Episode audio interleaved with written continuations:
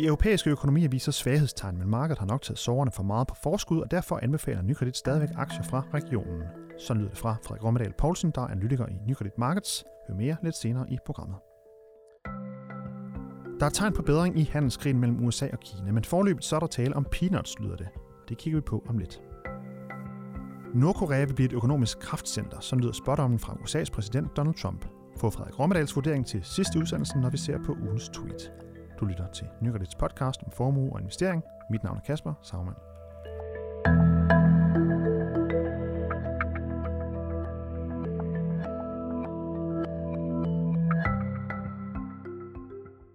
Hvis der er et tema, der har fyldt meget hos investorerne det sidste års tid, og måske også lidt mere end det, så er det handelskonflikten mellem USA og Kina. For når verdens to største økonomier, de øh, clasher og er uenige og strides omkring forskellige øh, måder at gøre tingene på, så er det noget, som påvirker resten af verden.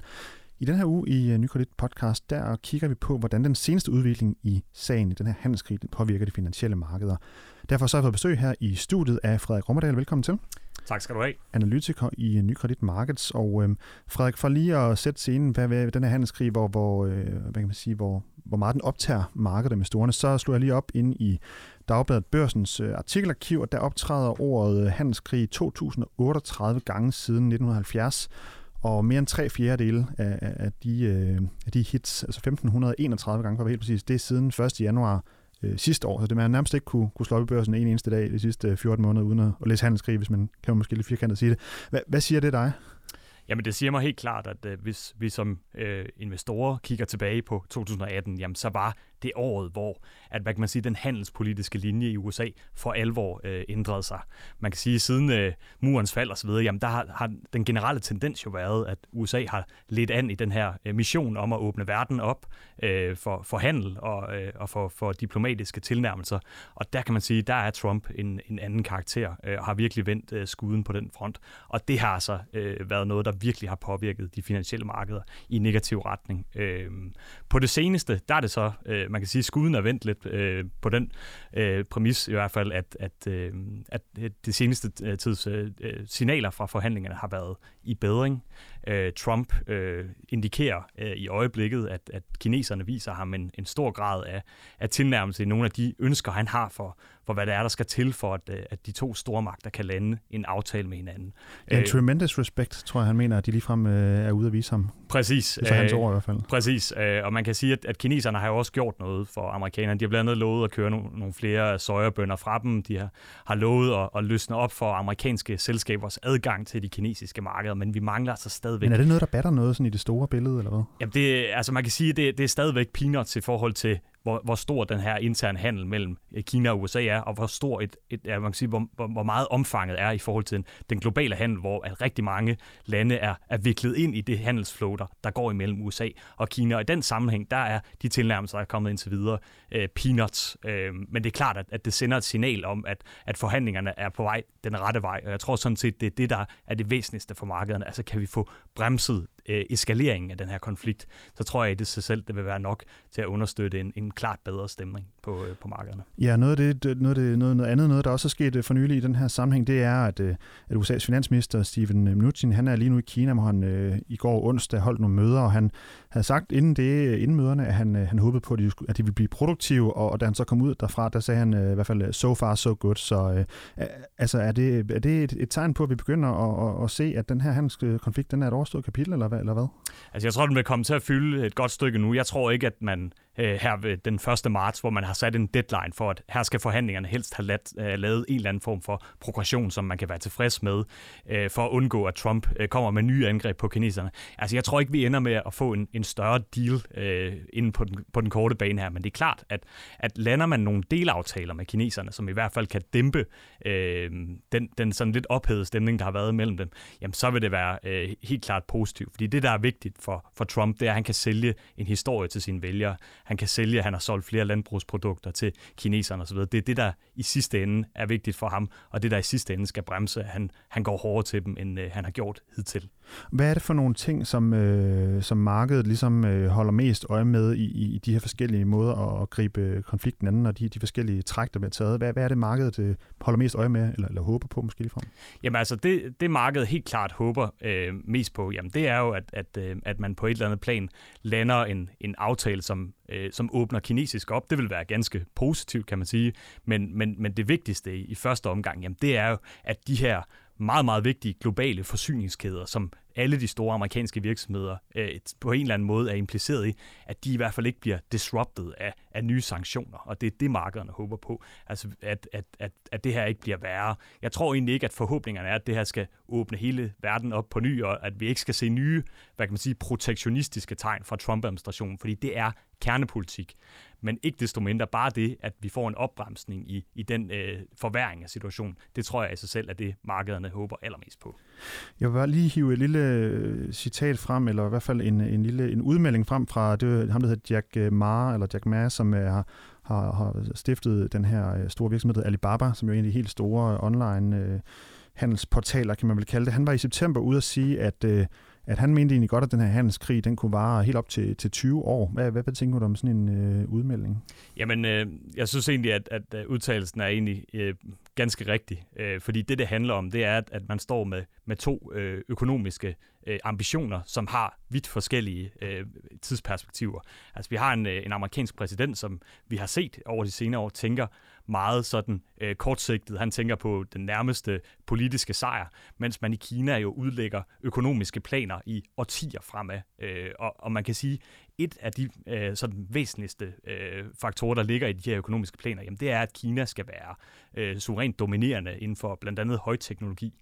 Og det er i sig selv noget, som amerikanerne er bange for, og derfor bliver det stormagtspolitik, og dermed noget, der kan vare i årtier endnu.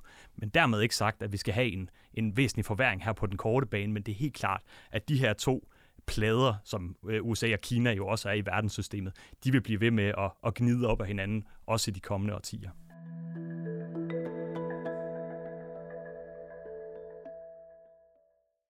Hvis vi øh, hopper lidt videre til øh, vores egen region her i Europa og øh, ser lidt på, hvordan det, det går her. Nu øh, må vi indtil videre i hvert fald lige se, hvad, hvad, hvad der kommer til at ske med, med handelskonflikten øh, mellem USA og Kina. Der er jo en deadline øh, 1. Marts, som, som vi lige var inde på. Men øh, grund til, at jeg gerne vil ind på lidt med Europa, det var Bloomberg øh, online-mediet her. De havde øh, onsdag øh, i går en artikel med overskriften øh, Europe looks like the real weak link in the global economy. Altså Europa ser ud til at være det, det rigtige svage led i den globale økonomi. Og det handler, blandt andet om, at væksten i eurozonen forventes at ryge ned på, på lige omkring 1% øh, i år. Hvad, hvad, hvad er det først og fremmest? Er I, er I enige i, i den uh, vurdering? Jamen det er vi, når vi kigger på de faktiske nøgletal. Det er helt klart, at, at hvis vi kigger ud over den globale økonomi, så har vi haft en amerikansk økonomi, som har kørt i et højt tempo, blandt andet selvfølgelig, fordi Trump har givet store skattelettelser. Ja, til, en vækst på en 3-4 procent. Præcis. Altså det, det har virkelig været, været en, en vækst, der er stukket af for resten af verden. Så har vi et uh, emerging markeds, hvor vi navnlig har set øh, en kinesisk vækst, der har været svag. Så man kan sige, på den måde ligner Kina og Europa hinanden i den nuværende situation. Men det der er midlet, og det, de, de våben, man kan trække frem for at, at drive væksten den anden vej, de er forskellige i de to regioner. Vi har set uh, den kinesiske administration uh, allerede nu annoncere meget store sådan, uh, finanspolitiske og kreditpolitiske uh, indtag, som, som skal vende den her negative retning. Den slags våben har man i Kina, fordi uh, den økonomiske struktur er, er skruet sammen, som den nu engang er i Kina, men i Europa uh, ser det altså sværere ud. Øhm, hvis man kigger sådan fremadrettet, vores forventninger til Europa, fordi nu, altså man må bare erkende, at, at de negative nøgletal, de vælter sig ind øh, på, øh, i, fra Europa i øjeblikket. Senest der fik vi de tyske BNP-tal her til morgen, som, som viste, at tysk økonomi i fjerde kvartal øh, slet ikke vokset. De havde en, en vækst på 0%, og tabte altså i tredje kvartal, så samlet set... Hvad, hvad skyldes det egentlig bare lige for Jamen det, det, altså det, det, der har været det helt væsentlige øh, i, i Tyskland i, i andet halvår, jamen det har været fremstillingssektoren, der virkelig er, er, faldet sammen, og navnlig bilsektoren. Vi har nogle, sådan, øh, vi har nogle antagelser om, hvad, hvad det er, der har drevet det. Navnligt, øh, at bilsektoren har været ramt af de her nye emissionskrav, som altså har gjort, at... at altså det her til med, hvor meget de udleder af hvad kan man sige, forskellige stoffer, altså præcis, kul og... Præcis, vi er nogle nye miljøkrav, krav, der er blevet rullet ud af EU-kommissionen. Øh, og det gjorde man i 2016, men man har simpelthen ikke kunnet nå øh, at, at komme i mål med det i bilsektoren. Og det har altså betydet, at man har, har været nødt til at tilbageholde en del modeller også igennem efteråret. Og det har altså dæmpet produktionen øh, i, i de her selskaber, og har altså været medvirkende til at trække væksten i, i Tyskland ned. Dertil så har vi altså også en, en vandkrise i, i Tyskland, hvis man må kalde det. Øh, Rhinen har jo været virkelig ramt af den her tørke, der har været øh, øh, i sommeren øh, i generelt i Europa, og det har altså medvirket til, at det har været svært at shippe øh, varer på tværs af den her flod, som er særdeles vigtig for nogle sektorer i Tyskland. Blandt andet kemi, som vi altså også kan se, har været særdeles ramt. Så altså en fremstillingssektor i Tyskland, som er medvirkende til at trække væksten øh, betydeligt ned. Øhm, hvis man kan sige, den anden side af historien i forhold til det her, jamen det er, at når vi ser på en negativ fremstillingssektor, så ser vi, ser vi til gengæld også på nogle husholdninger, som altså stadigvæk har ganske robuste øh, grundlag. Der er pæn øh, lønvækst i Europa i øjeblikket, beskæftigelsen er, er pænt stigende, og privatforbruget bidrager egentlig positivt. Men det er klart, at den her afmatning i industrien, den skal helst ikke fortsætte mange måneder endnu, fordi så taler vi altså om øh, et væsentligt forværret øh, vækstudblik øh, øh til, til resten af, af 2019 øh, og måske også nogle problemer, der er mere øh, fundamentale end bare de her øh, midlertidige ting, som vi opfatter, blandt andet de her miljøkrav som værende. Og, og de her forskellige ting, vi så ser øh, med, med, med, med de her udfordringer og en, en tysk økonomi, der, øh, der sådan set øh, kører lidt sidelands her i, i slutningen af 18 osv.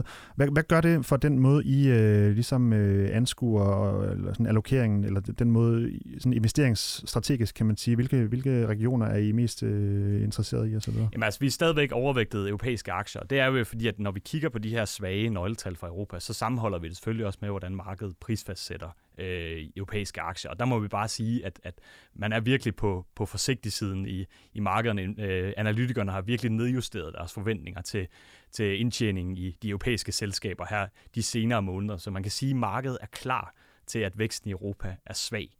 Øhm, og jeg tror sådan set også på nogle planer er markedet nok overforberedt på. Det har taget at, lidt sårene for forskud nærmest. Præcis, ja. og, og måske også lidt, øh, lidt, lidt for store sover, kan man sige. Altså, det er vores forventning, at, at når vi kigger ud over 2019, så er der altså stadigvæk mange ting, der taler for, at Europa burde kunne bounce tilbage fra den her ret negative vækstretning. Altså vi har en ECB, som er særdeles lempelig i sin pengepolitik, øh, og nu er begyndt også at signalere, at, at der kunne være lidt længere udsigter for renteforholdelserne.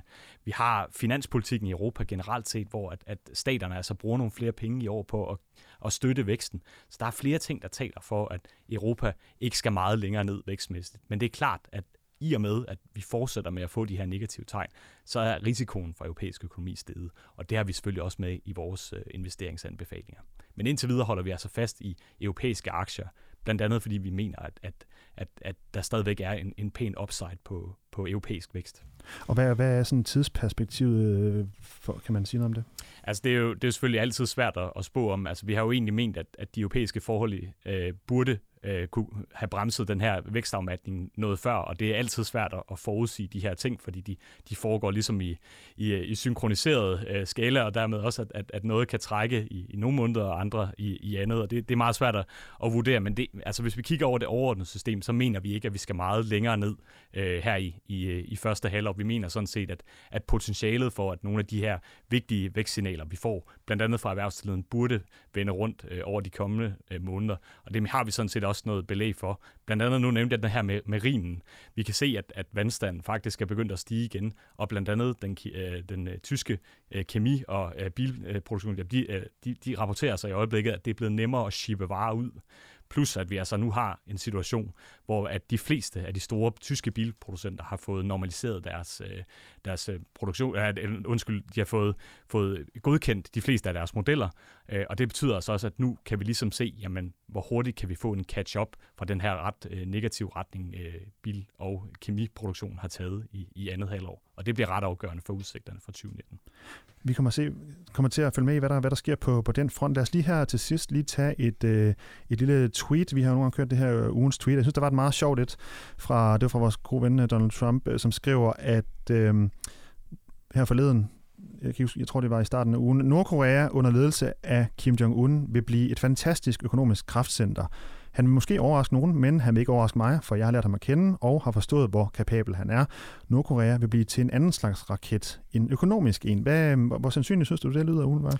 Jeg synes, det lyder meget usandsynligt, hvis jeg skal være helt øh, ærlig. Øh, det er ikke et kommende G8-land lige her? Vi altså, har... det, det har i hvert fald lange udsigter. Nu kiggede jeg bare lige på, på FN-statistikker øh, her for, for nylig og kunne se, at, at BNP per capita i Nordkorea er estimeret til at være omkring 5 procent af nabolandet Sydkoreas. Øh, så det er helt klart et, et, et land, der for det første starter langt nede, og for det andet jo har nogle øh, institutionelle barriere, som er helt ude af scope med noget af det, vi ellers ser rundt omkring. Hvad, hvad er det for eksempel? I verden. Jamen, det, det er den pla- det planøkonomiske system, man har dernede, og, og den måde, man har indrettet magtstrukturerne på, jamen det, det fordrer altså ikke udenlandske investeringer på samme måde, som vi ser i, i nogle af de andre emerging markets øh, kategorier. Så, så, der så, det skal, så det skal laves om i hvert fald, hvis det, det er... Det skal helt klart laves om, og det kommer til at tage mange, mange år, øh, og, og vil nok også kræve, at man, man, man ændrer sin den måde, man styrer landet på, øh, fuldstændig det, fundamentalt. Så det er jo ikke sikkert, at han er i det nødvendigvis. Øh, det, det er meget tvivlsomt, at, øh, at, at han har en interesse i det. Øh, men det er rigtigt, Trump er jo blevet sådan, øh, hvad kan man sige, øh, at Trumps store projekt, sådan udenrigspolitisk, har jo blandt andet været det her nordkoreanske øh, fredsaftale, som man, han har arbejdet ret øh, intensivt for, siden at man mødtes med ham første gang i, i juni måned i, i Singapore. Øh, Trump, han, er, han taler jo med, med store og, og, og, og, og glædelige toner omkring øh, den, den, øh, den nordkoreanske diktator Kim der, øh, om hvordan at han fell in love med ham, øh, da han begyndte at breve, brevudveksle med ham. Øh, og det, det er jo fantastisk og alt det der, og, og det er jo helt klart, at det er noget, han også gerne vil sælge til sine vælgere, Trump, øh, som en, en stor dealmaker. Øh, nu kan man sige, i øjeblikket har han jo en, en særdeles interesse i at få aftalt et nyt møde med ham, øh, og kommer også til at gøre det formentlig i næste måned i, i Vietnam.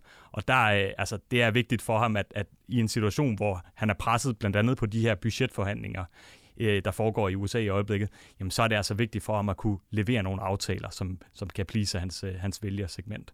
Plus at den her, øh, det her forhandlinger med, med Nordkorea og den her sådan diplomatiske tilnærmelse er også en vigtig brik øh, i, i de kinesisk-amerikanske spil, hvor kineserne sådan set også bruger Nordkorea, hvad kan man sige, øh, i et, som et led i de handelsforhandlinger, der, der forløber øh, i øjeblikket. Så på den måde... Og hvordan, hvordan det er bare lige helt kort til sidst? Jamen det, altså det er jo en, øh, man kan sige, at, at Kina er den største sådan, øh, aftager af, af nordkoreanske varer og har derfor også en interesse i, at, at Nordkorea ikke fuldstændig kollapser.